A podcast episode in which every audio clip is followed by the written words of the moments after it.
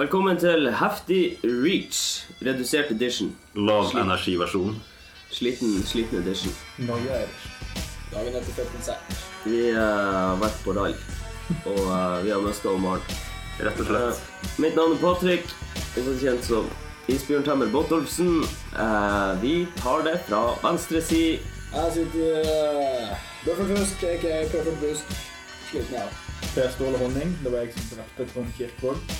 Eh, hvis dere har sett magen, send, send en e-mail til www.ftreach.no. .cb.net. Og eh, hennes, hennes unnskyldning var vel at hun skulle gjøre matte og menstruere. Som jo egentlig bare bekrefter alle fordommene våre. Jeg fucker med matte og mensen. For det sånn. At hun, at hun er en, en nerd og ei, et kvinnfolk. Den verste tingen i verden. Ja, Vi bare sitter og oser oss på testosteron og fotballrelaterte observasjoner. Ja, så har vi eh, dagens erstatter for Maren. Veldig ulik hun Maren, men Jeg Kan verken matte eller mensen. Den baller. Woo! Ky. Rett ut av sørsida. Street er jo sørsida, også fra sørsida. Litt annen plass enn eh, Ben Baller, vel å merke. Lasse Lervik, også kjent som han med det nerdete det-nikket på Twitter.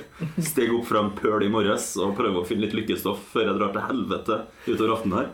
Så får vi se hvor podkasten kan ta meg i så måte. Lykkestoff. Fuck yeah. Jeg får bare legge til at jeg var ikke ute på byen i går, i motsetning til absolutt alle andre rundt meg. Og sjøl jeg har fått hangover bare av å være rundt i noe i et par timer først. Så det blir deretter, folkens. Ja. Det er en sliten gjeng, så vi har eh, valgt et oppløftende tema. Fordi det er ingenting bedre enn å liksom se en sånn Fritzel-dokumentar eller noe sånt når du føler deg nedfor. Noen Alle mener det. ungdomsarbeidere må fortsette å få strikes against them. Ja. Nei, det er Problemet med Fritzel-dokumentarer er at du bestandig begynner å spole for å se etter the sexy parts. Ah. Beskrivelsen av kjelleren. Nei, det var en humor. Vi skal snakke om eh, sekter eller kulter eller religion. Mørke, mørke ting som skjer når eh, mennesker grupperer seg utafor samfunnet for ymse, for ymse formål. Alltid med gode hensikter, selvsagt. Ja, Alltid med gode hensikter. Ja, De har sånn a- anormativ oppførsel. Du samler, sammen i, du samler sammen masse folk i flokk for å være annerledes. Det er da ting begynner å bli litt sketchy. Det er da det sklir ut. Det som er litt artig med de her som eh, Jeg i sekta.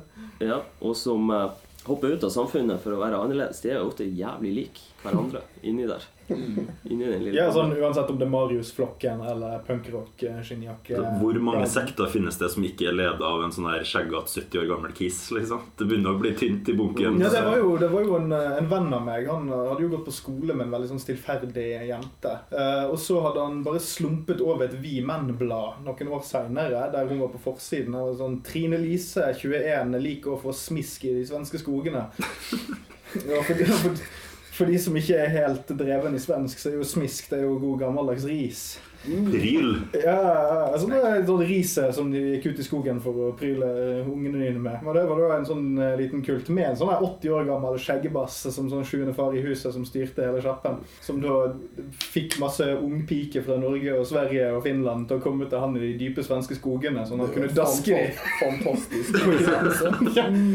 Og så har du, først, har du først ordnet deg at det er fetisjen din, og du har liksom supply line gående, det må bare respekteres. Det er jo det er disse Men gründerne som lager disse sektene. ja.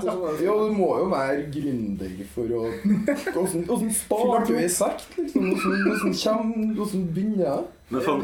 Du kan i hvert fall oppnå både altså, sakrament, som er lovlig innenfor religionsfriheten. det blir jo da rusmidler.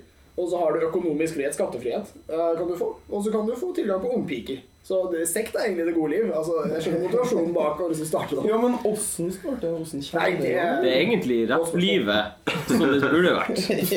Eh, som det ikke er. Stat, masse knark og ungpiker. Men For å korrelere med forrige episode, da, så var det jo uh, L. Ron Hubbard som starta scientologi. Han var jo en sci-fi-forfatter opprinnelig. Det var en veldig platt greie, og veldig mange vet jo det, men han sa jo at den beste måten å bli rik på, er å starte sin egen religion. Ja. Og visst faen starta han sin egen religion, og visst faen ble han rik òg, gamle grisen Uh, Scientologi var faktisk et selvhjelpsgreie for folk med visse plager før. Og så utvida Hubbard det. Da kom det ingen på møtene i starten. Så utvida han det til at Det er ikke bare de og de med problemer. Det er faktisk Alle har disse problemene. Alle mennesker i hele verden har dem. Ja, Da begynte det å komme folk. hva heter den testen deres? En Dianetikk? Ja, Jeg har tatt, jeg, jeg har tatt eh, den dianetikk-testen eh, i, i eh, Tyskland, faktisk. Det er ulovlig i Tyskland å utføre de testene nå. Oi, oi, oi. Nei, stoppet meg og så en fyr på gaten, og så skjønte jeg at det var scientologer, men, men de ville jo ikke si det høyt. Så jeg spurte liksom om sånn Thethans eller Thethans eller hva de kalles, og, og Zenu og sånne ting. Han bare han begynte å riste på sånn No, no, I, we don't talk No, no, no, I don't know what you're talking about. og så skulle jeg ta denne testen, og det, det, det, de satt jo og kalibrerte det foran øynene mine. Det var jo sånn der Å ja, nå står den nålen så og så langt til venstre. Så, oh, that's because your energy level is so and so. Let me just adjust that for you. Så bare sånn Du, du har bare liksom trykt på en knapp for å få meg på null her. Det er ikke noe Jeg ser ikke den vitenskapelige prosessen. Sorry. Men hva blir konklusjonen, da? Konklusjonen var at jeg var jævlig deprimert. Ja, du trenger dem. Jeg tror jeg aldri, Det var siste gangen jeg har vært så lyk maks lykkelig i mitt liv. For etter det har det bare gått nedover. Så jeg skulle hørt på. Jeg er så fascinert av den der med at å nei, vi er egentlig ikke syntologer. Det er liksom å møte kristne, og så er de bare sånn ah, Jesus, nei, kanskje ikke han, vi jeg har ikke hørt om han. Og så bare begynner de å sitere Gamle testamentet, og de er sånn ja, det er noen rare greier det der. Jeg vet ikke hvor du har det fra. Det er veldig suspekt. Jesus. Uh, ja, nei. Det er ikke kristendom. Hvem representerer du? Altså, hva er organisasjonen din. Det er ikke så viktig. Bare liksom ta, sett på den jævla proben. Ja, det var jo også det, de, de probene du får i nevene, er jo ganske fallosorienterte. Da, så det, men Man kan jo liksom stille sine spørsmål når du, altså, Hva er det du egentlig har designet denne testen for uh, å måle? Men uh, Hold de her to dildoene mens jeg måler demonnivået ditt. Hvis jeg hadde tatt den testen nå, så er jeg helt sikker på at det hadde oppstått et svart hull. deg at du var deprimert. Ja. Hadde du tatt testen nå, så hadde den vært helt fin. Ingenting. Sorry, vi kan ikke hjelpe deg. Du er helt flott fyr. Alt er helt Ja, for det er jo på en måte kjernen i en Eller grunnstammen i en god kult Det er jo å spille på folks usikkerhet. Ja. Ok, jeg har et problem jeg skal tilby meg å løse. Hvor mange mennesker kan jeg hooke inn med den biten der? Men heldigvis er mennesker generelt det så utrolig Vi vi er så glad i å se mønster og system i ting. At det er sånn Så lenge du baserer kulten din på en eller annen sånn veldig grunnleggende greie, sånn føler du deg litt utenfor? Er du litt nedstemt? Ja. Det, Astrologi det er. Ja, Banger du altfor lite chicks? Kom til denne smiskeklubben min i svenske skogene. Ser han som banger masse chicks, bare sånn, ja, det er faktisk litt. Det- Det treffer alle. Før, før var jeg var en 80 år gammel mann som eh, ikke dasket noen uh, ungpike. Nå Nå er jeg en 80 år gammel mann som dasker alle. Jeg kan ikke navnet på så mange. Jeg har hørt litt om eh, noen forskjellige her og der, så kanskje vi skal prøve å ta en oppramsing av de sekten og kulten vi vet av. Jeg vet ikke om liksom Jonestown og, og de her svenskene Hva det er Livets flamme, eller hva faen det er? Jeg klarer ikke så mange navn. er Mange av dem i, i USA i hvert fall er knyttet til hippiebevegelse som, som på, på 70-tallet og utover, hvor de knytter religion sammen med uh, litt sånn venstre politiske og andre frihetsidealer. Men uh, jeg kommer ikke til å klare å name-droppe så mange akkurat nå. Altså. Vi var innom eh, en tidligere, så var det Fredrikshoff Fridrichhoff Friedrichshoffs kommune, også kjent som uh, Hva var det kommer. Aksjonsorienterte opplegg. Jeg, jeg hørte om det fordi det var en norsk dame som var der, som var ganske høyt oppe i ledelsen. Men det var en sånn 70-talls Det var vel ledelsen som var høyt oppe i huet, kanskje. Jeg har pulsa opp i organisasjonen. Ja, Men der skulle alle ligge med en ny person Hver kveld. hver kveld. Men det endte jo opp med at han, er, eh, han hovedpersonen han, eh, han var jo Otto. Han var veldig eh, Otto, hva for noe? Otto Ja, altså, så det, var, det, var et overhode. Overpenishode. Det var glansen i hele organisasjonen, faktisk. Den hierarkiske strukturen ser ut til å være helt uh, innebygd. Altså. Men det, det som skulle være fri kjærlighet og uh, fri flyt, ble jo fort til et logistikkproblem for han Otto som uh, alle ville bange. Så begynte han å, å lage noen noe rankings og, uh, og basert på alder og utseende, sikkert. så, og så bare så skled alt helt ut. Men hun, men hun der, jeg vet ikke hva hun heter, men hun norske som var der, hun, hun fikk pass for at hun ikke hadde sagt noe, om, noe kritisk om det. Hun var liksom bare Det, det var helt greit. Det var som shit. det var. Men den der sånn veldig sånn apologetiske, evigforsvarende stillinga til folk som har vært i kulta tidligere, er ganske gjennomgående for veldig mange i sånne samfunn. Jeg tror nok også mange føler at de får en merverdi av det. Vi snakka litt om tilhørighet og liksom usikkerhet som tidligere. Men ser jo for eksempel, eh, Jeg kan veldig gjerne kalle enkelte supportergjenger på fotball for, eksempel, for kulter på den måten de liksom eh, får en veldig sånn en isolert samfunnsstruktur seg imellom. Man har en egen sjargong, man har en veldig forventet oppførsel av hvordan man skal være. ikke sant? Eh, Og veldig mange også søker å trekke til de miljøene fordi de vil ha tilhørighet. Vil, ha, liksom, vil passe inn i et system hvor man liksom er likeminne. Uh, ja, unnskyld. Nei, nei. Var du klar? Nei, jeg, jeg har lest en bok, en norsk fagbok som heter Sekter. Og Der tar forfatteren til orde for at vi burde droppe begrepet i det hele tatt. Jeg håpet hun hadde et kult alternativ, men i stedet var det bare religiøse samfunn. Ja, ok. Det kommer ikke til å fenge. Det er jo bare enda kjedeligere enn å si sekt. Jeg vil lage mye lengre. Ja, Altså, det Sekt har en god brand gående nå. Ja, og, og det jeg argumenterte for var at det var ikke noe skille mellom organisert religion og sekt, og at det, det syntetiske skillet der eh, gjorde det verre for alle som var med i sekter. Gjorde sektene verre, gjorde de farligere osv. Men det, kunne, det du kunne gjort, du kunne tatt det poenget og gått andre veien med det. Så kunne du sagt at kanskje det der, burde kalle alt for sekter. Uh, katolske kirke, eh, mye av en sekt. Eh, og kanskje også du kan gå utenfor religion. Altså AUF, er det en sekt? Pretty much. Vet om en person som mente i hvert fall.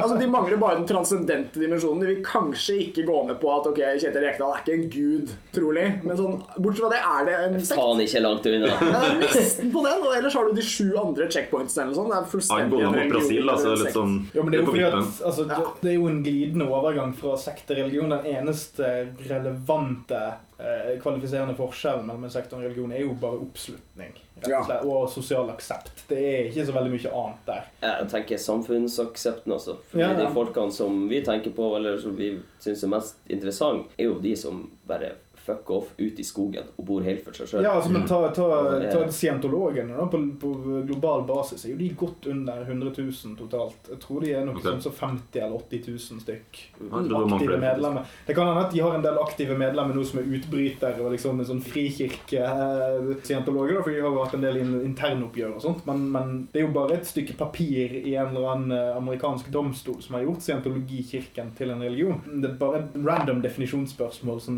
vil variere fra sted til sted. Men bare, bare, bare si freaks and geeks tror jeg er ganske oppsummerende for uh, sekten. Men vi skulle jo ta en runde på hva vi kom på. da. Uh, jeg kom litt på f.eks. Uh, sataniske kirke. Altså Anton Lavey, Satankirken. Det er første gang jeg hørte om det. Vel. Det var liksom noe av det mest sånn Før internett var en stor big deal, så var det liksom sånn OK, sjøl satanistkirken hadde alle hørt om. Sant? Litt, Ja. sånn, litt sånn overcarry-effekt fra disse kirkebrannene på begynnelsen av 90-tallet. og sånn. Men uh, Som de aldri fant ut hvem var. Nei. Broren min og kompisen hans hadde liksom særoppgave på ungdomsskolen om, uh, om Anton Lavey, og de holdt på å bli satanister, liksom. Så den boken liksom var en sånn hellig shrine-greie i, i huset mitt. Og jeg, jeg leste den sjøl da jeg var sånn 14. og Det er det første møtet jeg har hatt med sånn suggerende tankerekke. Da, for det er egentlig bare en veldig sånn egoisme som er blandet med Mm. mystisisme, og, og egentlig bare stjålet fra mange forskjellige filosofiske De har jo til og med sine egne ti bud, ikke om det? jo, masse sånn. De sju bud eller noe sånt, og så er det sånn masse magiske formler og sånn piss som egentlig ikke De tror ikke på magi. egentlig. Men har dere der noe med dere folkene som akkurat avduka Bahomet-statuen i De kan Hva det faen er Detroit? Eller noe sånt? Ja, Nei, det var en sånn det var på Dagbladet og litt sånn. Men det, det, gru- grunnpoenget mitt var at, at grunnen til at jeg anser de som en sekt jeg vet ikke om de er registrert som et trossamfunn på et eller annet slags vis, men han Anton Lavey er jo en fyr som egentlig bare har jugd på seg 1000 kule gigs opp igjen til Han påsto at han hadde ligget med Marilyn Monroe, at han hadde spilt orgel sammen med jeg vet ikke, masse sånne soul-artister som piss. At han liksom hadde vært i hjertet til Han hadde bare vært en gammel nerd som likte Dungeons and Dragons litt for mye. Du, ingen diste det, da. For faen. Wow, wow, wow, wow. App, app, app. For mye. Du er ikke, du er ikke, du er ikke gammel, og du har startet ikke en kult, så jeg eh, holder deg fremdeles. Alt med måte, altså. Selv Dungeons and Dragons. Nei, men det er det jeg kom på, for det er liksom en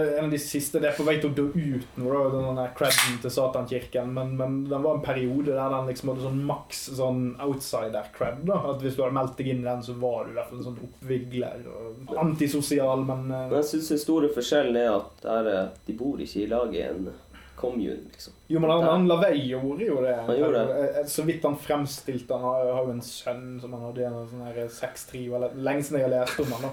Men han hadde en sånn her eh, Alle, disse karismatiske lederne har jo en eller annen posse på et eller annet tidspunkt. Og det, jeg tror du kan regne det inn under som en egen sånn subkult. Altså, apropos det, også beslekta var jo Charles Mansons eh, tilhørere av liksom, yeah. den, hva de kalte det, Family, eller noe sånt. Ja, Man Manson Family. Eh, de også hadde jo visse liksom, satanske idealer og hele pakka der. Ja, skrev skrevet på Beach Boys og Ja, ja.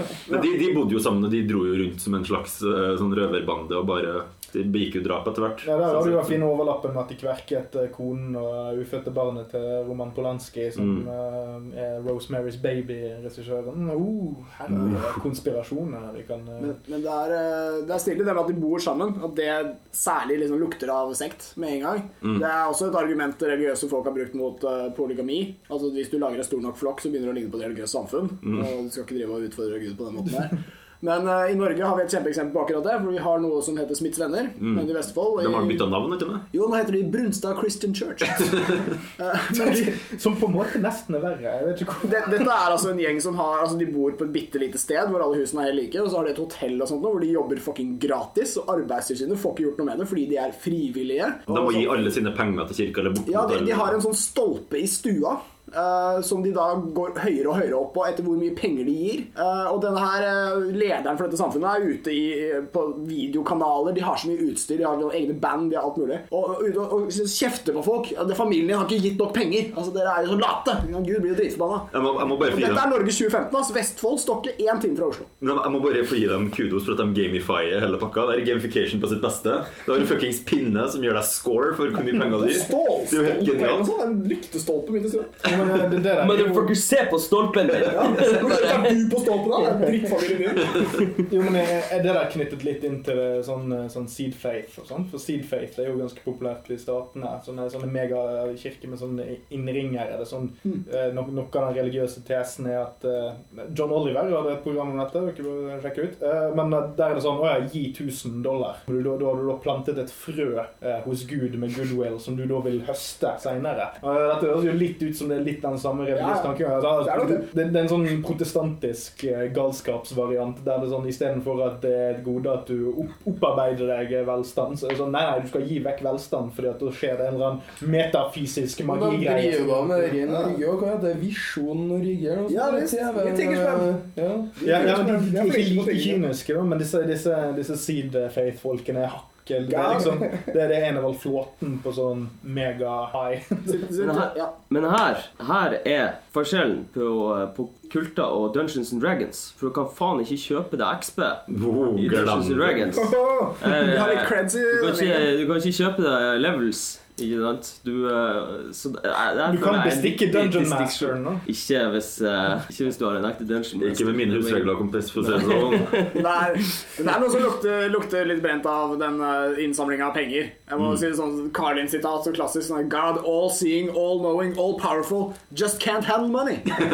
Just seems to just not be able to handle money. Man trenger alltid mer penger. Og det er fordi det, det praktiske koster med å drive en sekt. Du må jo ha inntekt. Ja, men Men du- eh, for å dra Carlin litt videre på sektbegrepet, da, så Yes, jo, det, jeg tror det i samme settet så har han òg en bemerkning om religiøse mennesker som alltid du kan se det på hattene, at de har på seg hatt. Det tror jeg kanskje er en forskjell mellom religiøse og sekte. For at i sektene så har ikke de nødvendigvis alltid en hatt.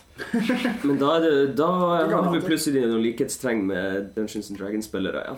Nei, men jeg tenker sånn, tenk, men tenker sånn på Fedora-typen. det- Men kan man ikke. Kan man ikke dele kulta i altså, Det trenger ikke være en dikotomi eller liksom uh, svart eller hvitt, men kan man ikke dele kulta i de som er godsinna og som har gode hensikter, og som faktisk tror på en eller annen slags ærlig forløsning, og som har et ideal om at alle sammen skal dra i samme retning, og så har man de regelrett kyniske, hvor man har en patriark eller en matriark Ja. som skal ha spenna for seg sjøl, som går rundt og kjører i Veldig glidende overgang, da. Ja, ikke sant? Det, er- jeg, jeg bare sånn, er, er det en vesentlig deling å gjøre, liksom? Eller skal man bare skjære alle sekter under kam? Ja, men det, er, et veldig godt eksempel. Sånn som vi var innom med samfunnsaksepten. Eh, avgjør på mange måter om det blir en religion eller en sekt eller bare en slags klubb. Det trenger jo for så vidt ikke være religion heller, hvis lederen er fet nok, eller hvis dere samles rundt Vålerenga, eller Er vi en sekt? Eh, i- nei, er vi det? Kanskje. Men Kanskje vi er det? Jeg bare legg det ut der, jeg. Bare lar folk Ja, teste ok, hvem- Hvem er det som får eh, The Bitches, og hvor er de?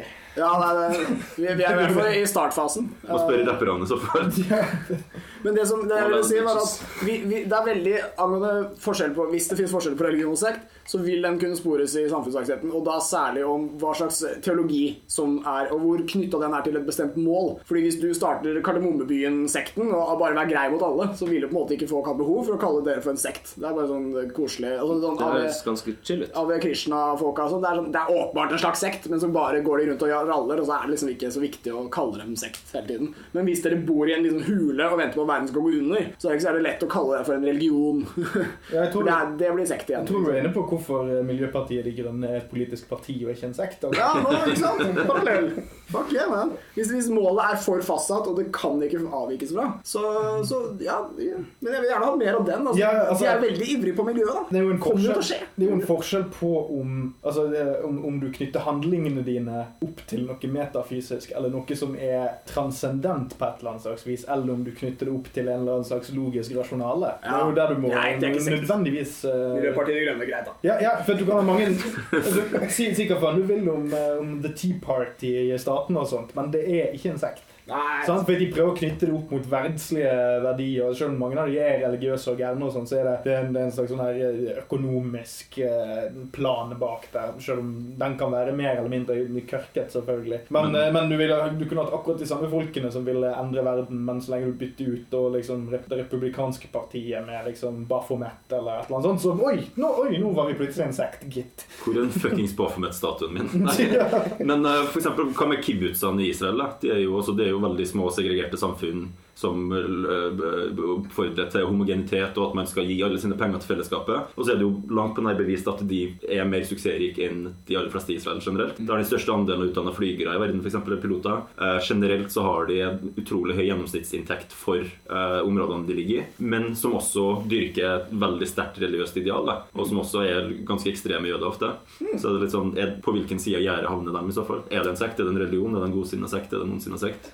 Ja, for du kan jo ha sekte innenfor en religion, da. Ja, ja, ikke Det er sant? ikke, Det er jo ikke en naturlig motsetning. det er vel det begrepet kommer fra utgangspunktet, er det ikke det? Ja, for, ja, men Der har du oppslutningen igjen. da, for Hvis den tilnærmingen det bare omfattet hele staten Israel, så ville du bare fått en eller annen sånn her eh, kollektivisme à la Sovjetunionen, bare i uh, jødisk kontekst. sånn Ja, fordi kontekst.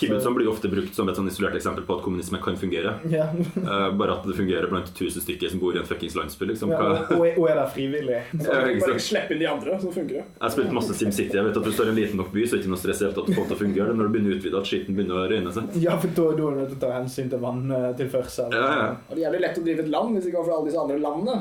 Men var, var ikke det mange nordmenn som var med i den der eh, Hva heter den her gærne flaggelantkulten? Opus Dei? Det var jo også sånn apropos vi menn. Vi alle har jo lest Vi menn fra artiklene i en årrekke, så vi kjenner jo godt uh, vesensinnholdet der. Ja, Opus Dei sin megaslager uh, Life is Whip.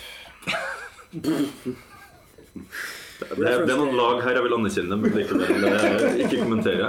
Men de, var, de har hatt ganske mange, altså de har jo verva internasjonalt i lang tid, og så har de fått folk til å liksom betale dyre flybilletter og dratt ned til hvor enn hovedkvarterene er. Og så sitter jeg med fuckings du må gå med en tornekrans rundt uh, låret, og du skal selvpine deg hver eneste dag for å kjenne Jesu lidelse. Så det er liksom sånn, hvor faen er payouten min? Jeg har sett uh, oppblomstring av BDSM-interesse på internett, jeg, så jeg vet ikke. Det kan jo være en egen level of kink. Det, som, kje- det kjennes ut som noe jeg burde vært med i akkurat i dag. Kjennes flaggelant ut som jeg er med. Men det jeg liker i Norge, er jo eh, læstadianerne. Det syns jeg er spennende. Ja, du kommer jo fra litt nærmere der. Ja, det er ikke så mange. Men det, det er jo litt sånn rundt omkring. Det er jo en del i Narvik, blant annet. Så er det jo oppover der. I Karasjok og sånn, så sitter de utenfor polet og passer på at ingen går inn. Og, men, og, men, Hva gjør de hvis og så jo folk går Og så hører jeg ofte, liksom, Av og til så hører jeg folk bruke begrepet 'jeg har ikke gardiner'. Og, eh, og når jeg har sagt det er mange som aldri har hørt det, eller så, eller så skjønner det. Og til og med folk som vet at læstadianerne ikke har gardiner, vet ikke hvorfor de ikke har gardiner. Eh, og de sier 'jeg har ikke gardiner', men de, de har liksom ikke tenkt over uttrykket. Hva er greia? Og greia er at læstadianerne har ikke gardiner fordi de har ingenting å skjule for Gud. Så og begrepet, begrepet går jo på liksom. Jeg har ingenting å skjule. Men det er ikke sånn, de, de tenker liksom ikke hvorfor. Eller sånn. Det er bare sånn Noen har det, har, har det inne, men Hvorfor har de klær, da? Nei, men, men det er sånn hvis du er oppe i Finnmark og ser hus uten gardiner, så er det ofte det. Det høres nesten ut som noe som kunne vært stort på vestkanten. Der hvor transparens er liksom den store greia. Alle klær skal være hvite, som du får vist fram at de er nyvaska. Alle verandaer som er lagd av glass, som du kan vise at alt er på stell med livet ditt til alle naboer til enhver tid. Da begynner vi å bevege oss inn på et uh, estetisk problem for meg. For det er ikke nødvendigvis det at man trenger å bruke gardinene sine. Men har dere noen gang gått forbi et hus som bare ikke har gardiner? Altså, de er ikke trukket for, men altså, som du kan bare se ikke har liksom kanten av en gardin hengende. Det er ganske creepy. Ja. Det ser forlatt ut. Eller hvis, hvis, det, hvis det er lys Ja, det, det, det er dødt. Hvis, det- hvis det er lys på inne, så tenker du ok, her spiller de inn porr eller et eller annet. Eller her har de, her har de en eller annen sånn photoshoot. Eller Murder sånt. room. Ja, men, men er, jeg har ikke gardiner. Det er en sånn jævlig ulogisk slutning for meg, for det ser helt jævlig ut. Altså, Du kan jo ha gardiner. Om du velger å trekke de for eller ikke, er jo en helt annen sak. Så her er det posering inne i bildet. Folk skal se at du ikke har gardiner. Jeg har ingen Det- hatter, for jeg trenger ikke å trekke til hodet mitt. Ja, ja, men da har vi, da vil vi Og eie en hatt, da. Ja, for Gud kan jo akseptere at du eier gardiner, sant? For Gud vet jo at du ikke bruker de. For at du bruker de ikke. Så dette er bare posering for naboene sin del. Altså, For en gud, ass. Ja. Denne, guden deres. Som er sånn der Har du kjøpt gardiner? Fy faen. Altså. Kan jeg ikke pynte huset mitt sånn folk ikke tror at jeg driver en eller annen slags snuskeforretning? Herregud, det, det må jo være en helt grei argumentasjonsrekke. Det var litt sånn som bodde Jeg vokste opp i andre etasjen i blokk i Romsla i Trondheim. Så hadde vi en fyr i første etasjen som bytte gardiner. Så tenkte jeg litt første starten sånn Ok, her er noe creep, her er noe airy. Bare sånn, Du må ha det på plass. Det er liksom en av de grunnfundamentene for å være et ordna menneske et ryddig liv. Så tenkte jeg etter hvert sånn Nei, faen. Hvorfor tenker jeg sånn? Det er ikke noe grunn til å gjøre det. Så hvis jeg må blotter og bli tatt på Valentines for å stå og runke på en bussholdeplass der, så var det liksom helt naturlig likevel. Det er den empirien her å tilføre diskusjonen, for å si det sånn. Jeg ville gjerne spurt en vestadiansk prest om det er på en måte lov å kjøpe gardiner, men ikke montere de, og liksom, hvor- den flytende grensa går. Eh, Har du lov å ha gardiner, bare til de er gjennomsiktige? hvis jeg kjøper gardiner på Kid og ikke tar med kvitteringa, hjelper det litt? Jeg har fall ikke dokumentert kjøpet. PP cash er bedre enn kort. Ja, det, ja, det er masse nyanser jeg lurer på. Dette er jo problemet med sektorer og absolutt alle sånne systemer. En gang du begynner å regulere de i detalj, så bare åpner du nye spørsmål som blir helt fryktelig vanskelig. Alle elsker jo, igjen, uh, tar jeg opp uh, Kardemommeby, som folk syns er så koselig. Men anarkisten egne og snakker om at du skal bare være grei og snill. Hva faen innebærer det, da? Kan jeg, kan jeg synge på bussen? Kan jeg gå naken? Altså, jeg plager jo folk uansett hva faen jeg gjør. Og folk synger i den byen der hele jævla tiden. Jeg hadde blitt plaget. Det fins de som ikke går liksom, og som er inkludert som en sånn speaking part i den, eh, det stykket der, men de som bare går i bakgrunnen. bare sånn, skal flytte. Hun synger de Kaptein vekk for fjerde gang denne uken her. Kom deg vekk fra dette anarkisthelvetet det Jeg, jeg, jeg tenker nå bare at Man vet jo, og det er veldig veldokumentert, at kriminalitet i veldig stor grad er avhengig av sosiale forhold. Hvorfor i helvete ble Kasper Jesper Jonathan som den ble i så fall hvis den byen er så jævlig ideell? Tenker nå jeg, da. Kanskje er det ikke så fett allikevel. Jeg, jeg satte pengene mine på løven. De var kule ungdommer, men så fant de en løve, og så bare Nå, blir det ja, nå har vi-. Nå har vi eh, kalt eh, Kardemommeby et anarkisthelvete. Og, eh, og, og eh, brast noen illusjoner om, eh, om hvor fint det er der, fordi det er jo tross alt krimiser. Ja, Bare, bare før vi forlater Kardemommeby helt. Altså, Kardemommeby har, når vi er inne på temaet sekte Kardemommeby har en hel haug med folk. Du har autoritetspersoner, og du har bakere og du har trikkeførere som går og synger i gatene, og så har de sånn tre personifiserte fiender som bor utenfor byen med en løve. Hvem er det de venner seg til? Jo, det er den skjeggete fuckings mannen i tårnet som, oh, kan spå, som kan spå været, og som bare er den autoriteten på alt som er godt og rett i denne byen her. Tror du- tror du- det er en fuckings Moralpolitiet, tatt, Sofie. Tror du han Tobias i tårnet får førstevalget av jomfrue Hvorfor tror du tante Sofie er så jævla bitchy? sant? Det, Jeg lurer på hvor tante Sofie kommer inn i det der evinnelige hierarkiet i så fall når de skal begynne å sortere folk. Moralpolitiet. er Moralpolitiet, hun, hun jobber i staten. Ja. Eh, ja, for det er jo bare, altså Av kvinnfolk i den byen der, så er det bare fru Bastian, tante Sofie og lille Kamomilla. Hvor mange, er, eh, hvor mange bor i denne byen her? Trikkefører Syversen, du har han bakeren. Er det en pølsemaker, kanskje? Skal, er det, er, Tobias i tårnet. Sånn? Lille Remo. Politimester Bastian. Politimester. Bastian. Kasper, Jesper og Jonathan må vi regne med. Tante Sofie og Kamomilla. Det er elleve. Til alle som hører på, der tar han top of the dome. Han sitter ikke med noe, sitter ikke med noe jukseskjema her. Jeg visste ikke hva jeg gjorde da jeg tok over Gardermoen. Men, men vi snakker rett og slett om en by der 20% er kriminell. Yrkeskriminell. Dette er ikke oppskriften på det perfekte samfunn. Nei, det er jo Altså, altså, og så blir de busta, og så blir de sånn Han ene blir trikkefører, og han andre blir Det er så jævla koselig hvis de slo seg vrange da og begynte å drepe folk. ikke sant? Altså, det, det er jo Ja, men de er jo ganske heavy kriminelle. Hvor mange sjanser Kidnapping! Ja, ja, ja, ja. Det er sant, altså. De var jævla tilgivende med disse gutta, var det ikke det? Så jævlig hard straff de fikk. Hvor mange sjanser skal de få? I dette i drømmen til Egner så blir det mange. Jævla raust. Ja, men det er ikke Voldsbruken står det jo, skorter jo òg på. sant? Det er mer sånn hard justness, sånn apropos den uh, smiske-storyen jeg hadde. For det, det, det disse karene her trengte, var jo bare dominerende kvinnfolk som liksom satte skapet på plass. sant? Altså Ja. bare Bli litt dominert i en 24-timersperiode. Ja. Morsfigur. Derfor de ble skurker. Der fikk vi svar på den. For de ikke hadde en mamma. Ja, fordi ja, moren fødte dem, og så stakk hun. Det er, lag, det er lag på lag her. Egner, altså. Skål for Kasper Jesper og Jonathan. Skål for de falne heltene i Kardemomme by. Som ble assimilert inn i samfunnet. Fy faen. Det var jo en artig derailment. Rett av togskinnen. Vi holdt oss greit på sekt. Ja, ja vi, har ikke, vi har ikke definert så mye, men vi håper at du, den gjengse lytter, forstår at vi snakker veldig rundt her. Eh, Om, ja. Det skal også sies at definisjonen av sekt er øh, omstridt, om den i det hele tatt finnes. Det er en, ja, men eh, Ja, for forskjell, hva er vi har, kriteriene for at det nei, vi har vært både innom sektkult og ikke sant, religiøse Ja. samfunn. Så, ikke sant? så vi er jo all over the place. Ja. flytende Men vi er klar over det. Ja, jeg må bare si at Forskjell på sekt og kult det aner jeg ikke hva er. For meg er de bare synonyme ord. Men Du kan jo ha en kult innenfor en sekt og innenfor en, eh, innenfor en religion. da. ja, ja, absolutt, men jeg forstår ikke hva forskjellen på kult og sekt er. For det er to ord. Men uansett, altså det, det vi, har, vi har vært innom nå, er at religioner kan alltid se ut som sekter. Men det er enkelte elementer som får dem til å få oss til å ty til dette ordet. eh, hvis de bor sammen veldig tett og ikke får lov å gå ut. Altså veldig strenge regler. Streng teologi, type av 'verden går under snart', eller en slags veldig karismatisk leder som styrer med hard hånd. Hvis hånda styrer for hardt, da er det ikke religion, da er det sekt. Noe sånt. Ja. Det, det jeg prøver å vise her, er bare at det er sykt vanskelig å, å definere dette begrepet. Jeg syns det er et ganske essensielt eh, sektfenomen vi ikke har gått over ennå. Fuckings masse selvmord. Ja, Som- det, det Jonestown! Heaven's Gate er jo, det er jo sånn apropos ulike sekter og sånn. Heaven's Gate var den første, var det ikke det? I hvert fall tidlig ut.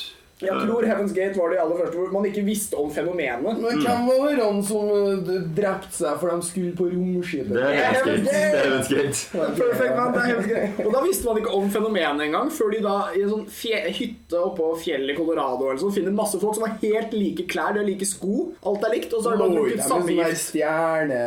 Det i masse forskjellige senger, og det hadde noen opplegg i måten de la seg på. Og de skulle bli gjenfødt i et sånt romskip. Og, og videoene til sektlederen ligger ute på YouTube. Du kan se han i øya mens han sa det, sier det til deg, det han sa til dem, før de drepte seg selv. Men de var ikke så mange, da? Var ikke det liksom sånn 20-30-40 stykker? Jeg tror det var mellom 50 og 100. Ok, det var såpass mange. Men greia var at det var det aller første. Man visste ikke om fenomenet. Og så bare dukker det opp en haug med lik, og så bare ja, faen, de har gjort det sjæl. Men en ting jeg det tenkte mye på når jeg tenkte Heaven's at De lot jo noe sånt som 10-20% av folkene være igjen for å fortelle historien og skulle bli med på neste batch. Så det var bare sånn. Fy faen, så jævlig det. Og sitter alle kompisene dine døde har lagt seg i en seng og spist gift og skal bare fære til en bedre virkelighet i et romskip. Og så sitter PR-avdelinga igjen og bare hei, Dere lurer kanskje på hva som har skjedd her? Det var sånn, fy faen, jeg hater noe er et mellomledelse. forklaringsproblem. Ja, faen, altså. Jeg hater når styret og mellomledelsen drar på Hafjell og vi gutta på gulvet må sitte hjemme og drikke kaffe på kontoret, liksom. Å, fy fader. Jeg har følt meg litt ditcha. Du skal bli igjen, Lasse. Du er ikke en av de som Men får neste tur Men så var lover ikke Det var sånn der sånn kollektivt uh, sjølmordopplegg i Japan eller uh, ja, på T-banen. Ja, det var en slags Tokyo. religionssektting. Mm. Men der var jo gasse T-banesystemet. mm. Jeg har jo gans, jo, Akkurat nå så har jeg mer lyst til å være på et romskip enn å leve. Så jeg Ja, så det kan jo down in the dumps. Fyllesyke kan funke i sekt. Ja. Du kan- spille på den. Det som hadde vært artig, hadde vært å starte altså Fordi det her er jo generelt eh, litt eh, skjerma mennesker med dårlige lodd i livet. Ja. Eh, ikke sant? De her, de her forskjellige uh, Jim Jonesen og, eh, og folkene, de, eh, de går jo etter svake, svake individ. Jonestown var i stor grad eh, fattige svarte, annet. Ja, ikke sant? Men det som hadde vært artig, hadde vært å starte noe som med en eller annen high purpose. Ja, la oss si vi skal bygge et romskip, og det bare var liksom høyt utdanna tek, et sånn teknokratsett. Ja, blir- Det hadde jeg fucka med. Jeg hadde ikke sluppet inn, da, men, eh, men liksom noe sånn her Men noen som bare hadde De, hadde hatt, de har en purpose. Hvis vi slår oss sammen, får vi til det. Og, um, og det går fortere utenfor samfunnet enn enn i det. Hva er det nærmeste du kommer til det? Apple eller Virgin ja. Richard Branson eller Ja, ja, noe sånt. Richard Branson bygger et fuckings romskip til intellektuelle Det Ja, men han skal gjøre det. Ja, gjør. Virgin viser seg å være en sekt hele tiden. Hvorfor tror du han kalte det virgin? Åh, shit! Men overraskende at det ikke har kommet tidligere, da, med tanke på hvor mange høyintelligente folk som rett og slett som på sikt. Ja. Så altså, på et eller annet punkt skulle man anta at kanskje har noen liksom bare bobla over og, og endt der, men uh, tiden vil vise. Men eh, ja, det er jo eh, Vi er ikke mange årene unna å få en Appletown, sikkert. Nei, Appletown det er ikke... Men- Vi får se om det blir større enn Jonestown, eh, som jeg bare må nevne. Jeg tror det var mellom 8, ja, rundt 900 mennesker. Som, altså de bildene, særlig bildene som er massive. Den største eh, masseutryddelsen av mennesker av en amerikaner før Nei, av en amerikaner. I amerikansk sammenheng før eh, 11. september. Men det de hadde gjort da, de hadde fått menneskene til å drikke Kool-Aid, eh, Men det, var, saftblanding. men det var ikke Kool-Aid, og Kool-Aid klikka fullstendig etter der. Ja, For det er jo verdens dårligste PR. Det viste seg en eller annen sånn off-brand Kool-Aid. Ja, når man sier Kool-Aid, mener man saft. på en måte. Ja, ikke sant? Og da ble de sinna for det. Liksom. Men i USA er alt merkevarer, så noen må jo få svi. Eh, Det de hadde gjort, at de hadde testa flere ganger. Eh, Hadde en sånn rutine hvor de brukte sprøyter. De sprøyta en sånn liten miks av dråper inn i kjeften. Og Stort sett var det vann, stort sett var det saft. Denne gangen så var det cyanid òg. Som da alle Helikopterbildene av liksom 900 lik rundt et hus, det er noe av det villeste du har sett. Det er, jeg, jeg vil ikke liksom dra paralleller, men det er ti ganger så mange, mange mennesker som døde på, på 22. juli. Det er ti, kjempemengde mennesker. Det er fascinerende at Jim Jones sjøl skrøt av seg. Han drakk ut den jævla hekseblandinga han hadde brygga opp tidligere. Stygg move. Ja, det syns jeg faen da er verdt Du vet jo at du skal dø. Jeg har en gunner. Jeg har en pistol. Men uh, underholdning og media har jo lurt oss til å tro at cyanid er en god måte å dø på. Så liksom man, man, Sånn som i gang Jeg vet ikke om media har lurt meg til det.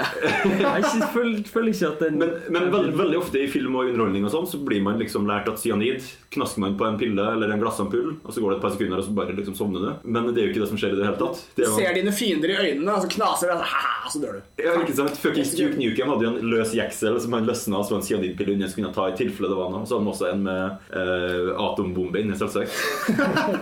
men, men, sånn, Men, eh, jo mer jeg vet om Duke Nukem, jo mer blir jeg bare overbevist om at det er min personlige kultleder. Men cyanid er jo en supervond, en kjempesmertefull måte som dreper deg sakte innvendig på verst mulig vis. Men det er jo, det er jo tilfellet med absolutt alle voldsting du får presentert gjennom film og media. Da. Det å bli skutt, og det å bli stukket med kniv, og det å bli slått bevisstløs i flere timer. Det blir jo fremstilt som sånn ting du kan riste av deg. Litt den samme med cyanid. At det er sånn, å ja, kan bare knaske noe, og så bare dauer du. Sant? Altså, Det, det er litt i samme klassen. Da. Det er ikke nødvendigvis en sånn uh... Men jeg, jeg, jeg syns det samtidig skinner et litt annet lys på Jonestown. For jeg tror mange har antatt at folk for rundt i den sausbollen og så drakk de litt, og så bare kubba dem. liksom. Mm. så var ikke det i det hele tatt. Og hvis du hører på opptakene, så hører du også folk hyle smerte Ja. i bakgrunnen. Og det, bare det totale kaoset fra Jonestown-opptakene de siste timene der. Topp ti ting jeg ikke skal gjøre i dag. Men akkurat bare sånn Topp ti ting jeg kanskje har blitt med på.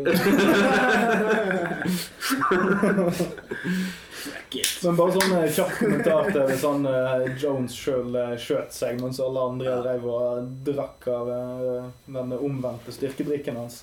Så eh, Det er jo sånn macho-greie, det der òg. Altså, det å skyte seg det, er- det er i hvert fall en sånn handling som du gjør med en stor metallgjenstand som du setter til tinningen, og så blåser du noe annet metall metal gjennom hjernen din. Det, det er jo, det er jo en, det er en maskulin handling. Sant? Altså, du, du, har penet, du penetrerer din egen skalle. Men det er jo nesten momentant.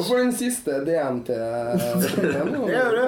Jo, men, men, men som en, men som en move, da. For her, her, her, har han her gjøken eh, brukt han har, fått, han har fått 900 mennesker til å drikke denne suppen sin. Sant? De er servile sauer som bare gjør, bare drikker det han gir til dem. Men han, han satte en kule i nepen, liksom. Og boom. Er det noen som kan gjøre meg en tjeneste og redigere eh, Jonestown-opptaket til at han eh, Jim Jones bare sier helt på slutten I told you I was hardcore.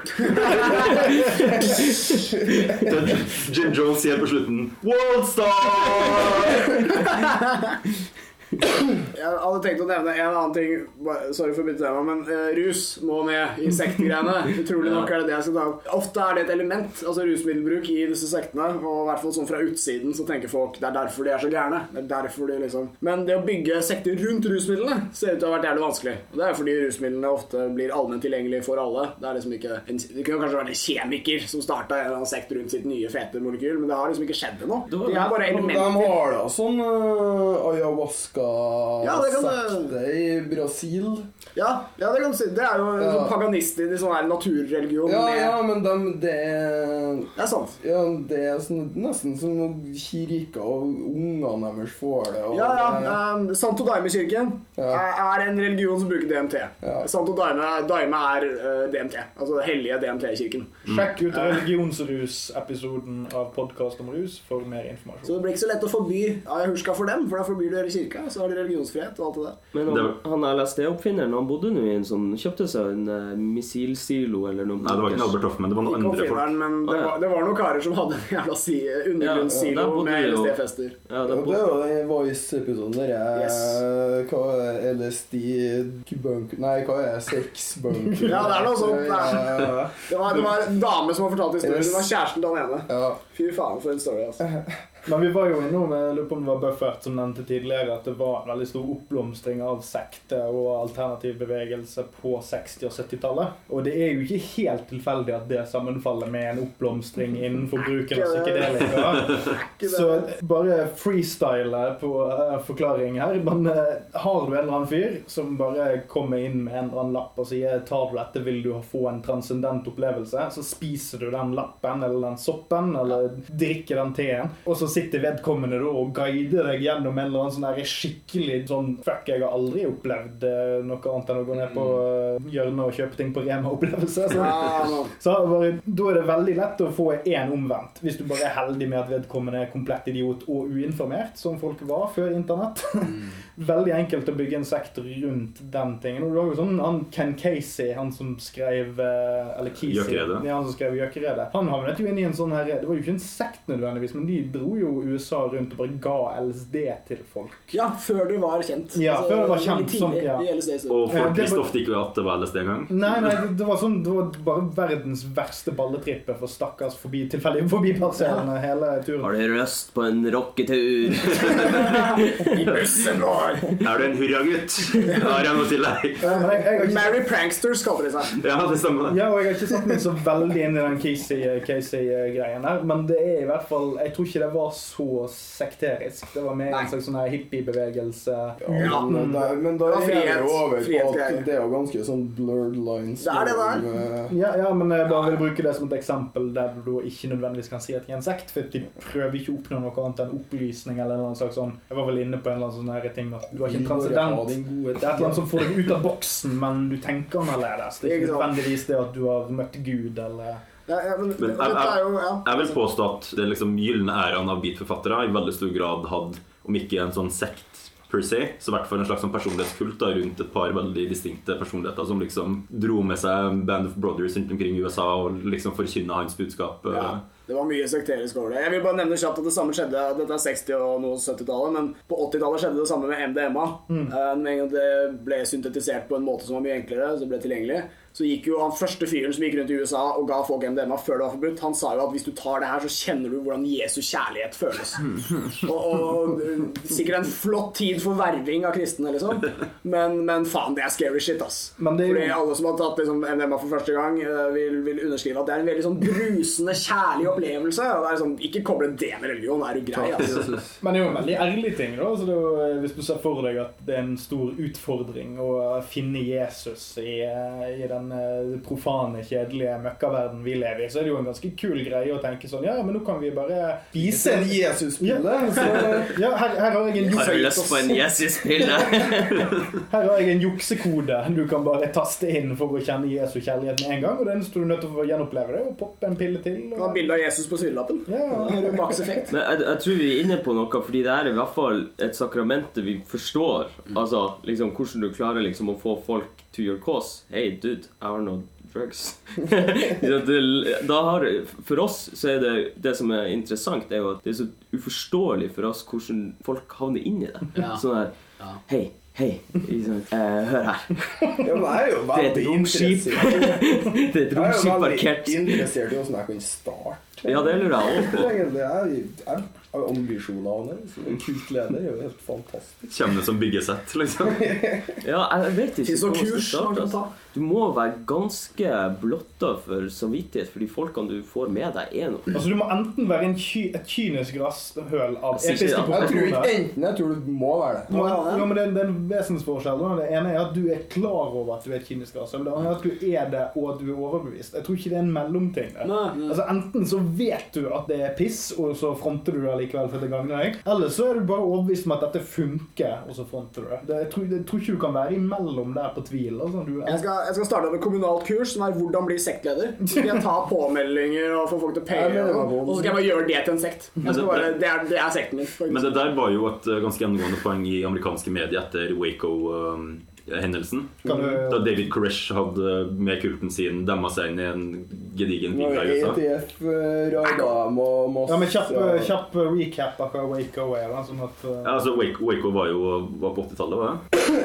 Ja, mener Så var det jo en tidlig 90. krist, kristenreligiøs sekt som hadde forskansa seg et hus og En uh, ranch, ikke et hus. Ja, ranch, ja, for det var et ganske stort område her. Det var Ja. flere hundre mennesker. Eh, Og pga. tingene som foregikk der, og det ble også meldt om eh, at det skal ha foregått eh, overgrep mot barn og diverse. De hadde jo en veldig karismatisk leder på toppen som het David Koresh, Yes. eh, som var den offentlige talspersonen for hele pakka. Og etter hvert så ble det et raid av um, ATF i USA og FBI, eh, som etter hvert endte opp med å ha satt ut litt eh, snikskyttere, som endte opp med å eh, skape en skuddveksling. Og i den skuddvekslinga så brukte eh, amerikanske politi og ATF og FBI såpass mye tåregassgranater som visstnok ble antent, og så tok det totalt fyr i det huset her, og så døde jo mange titalls mennesker av å brenne inn.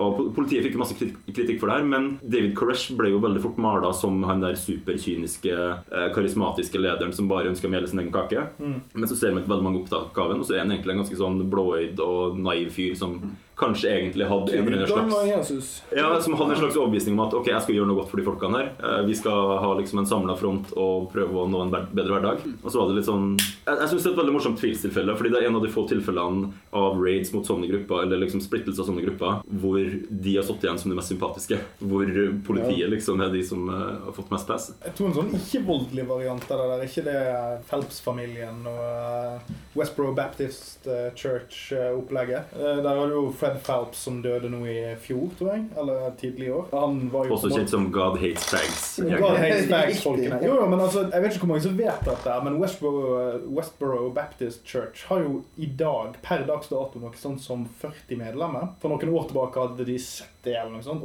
80 maks. Og allikevel så vet vi i Norge hvem de er. Mm. Fordi at de har, de, de har lagd en brand som funker. Og det er den litt, litt samme greien gående med, med, med compounds og sånn, at de har et sted de henger på. For veldig mange av- i den strukturen til Westboro Baptist Church er inngiftet i Phelps-familien. Altså det er Phelps på toppen, og så var det hans datter og hennes mann, og så hennes døtre igjen. Og, og det en stor sånn inngiftegreie. Det var veldig vanskelig å komme inn der. Så det var ikke en, egentlig en veldig god gruppe sånn for å få nye medlemmer. Men jeg tror òg det var en del av grunnen til at de traff jævlig godt. For at siden de hadde bare en sånn liten gruppe med skikkelig kompetente og gira folk, så fikk de jævlig stor oppslutning. Så å si alle har, eh, har jusgrader og litt sånn piss. Ja, Så fordi- de- Ja, det er jo det. De, de øh, har jo sak... Eller de har undergått søksmål og saksøkt seg fram til jævla mye fordeler, eller Ja, de, Ja, for klar ja, for de, ja, de er Det er juss... ja, de, de kan skitten sin. Jussgjeng, liksom. Det. Og de har jo blitt fysisk angrepet og saksøkt folk for det. Og liksom fått Ja, for de har aldri, de aldri angrepet noen, og de har alltid forholdt seg til hva som er lovlig. Alle disse her demonstrasjonene de har hatt med disse God Hates Fags-greiene, har vært innenfor lovens ramme, og så har de Mm. faktisk fått lover lagd mot seg. Ytringsfrihetens siste skanse. Fucking Westboro Baptist Church. Begravelsesdemonstrasjoner.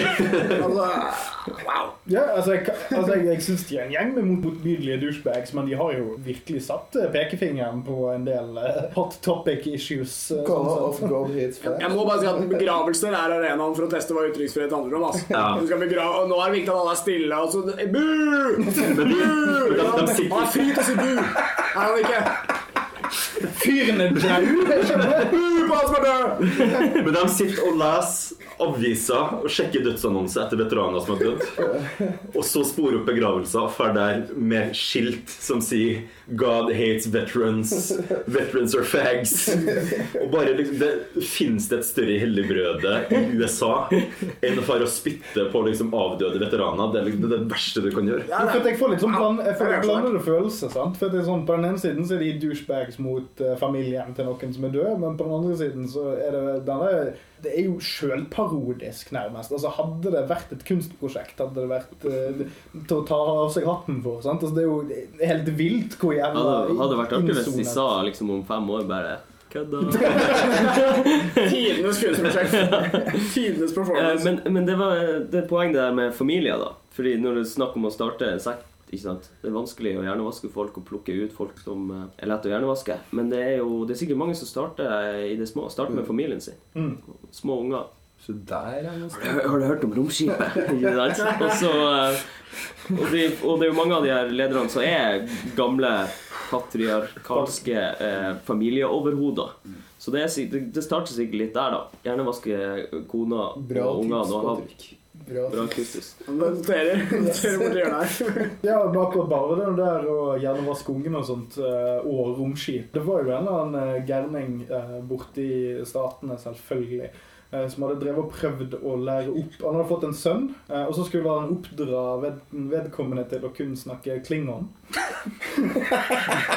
Jeg stiller meg 100 bak det. Enn så lenge. Enn så lenge. Det er ikke et pent språk det. Nei, og problemet er jo at det bare er noe sånt som eh, tu, 1000 eller 6000 ord på klingon, på ordentlig. Eh, på ordentlig som i at det er kodifisert i klingon-ordboken. Eh, mens det moderne engelske språk har noe sånt som 30 000 ord og x antall uh, Ja, mye mer inne. ja, mye mer. Sikkert mye mer. Det, det, som- det viste seg her var jo et stort begrenselsesproblem i prosjektet hans. da, fordi at En ting var at han snakket klingon med sønnen sin, men bare det å få det sementert godt nok, siden sønnen ikke hadde noen andre å snakke klingon med, så bare ble det en sånn evolusjonsprosess der det bare, sånn, det bare kokte vekk i kålen. Han fikk ikke lært sønnen sin klingon.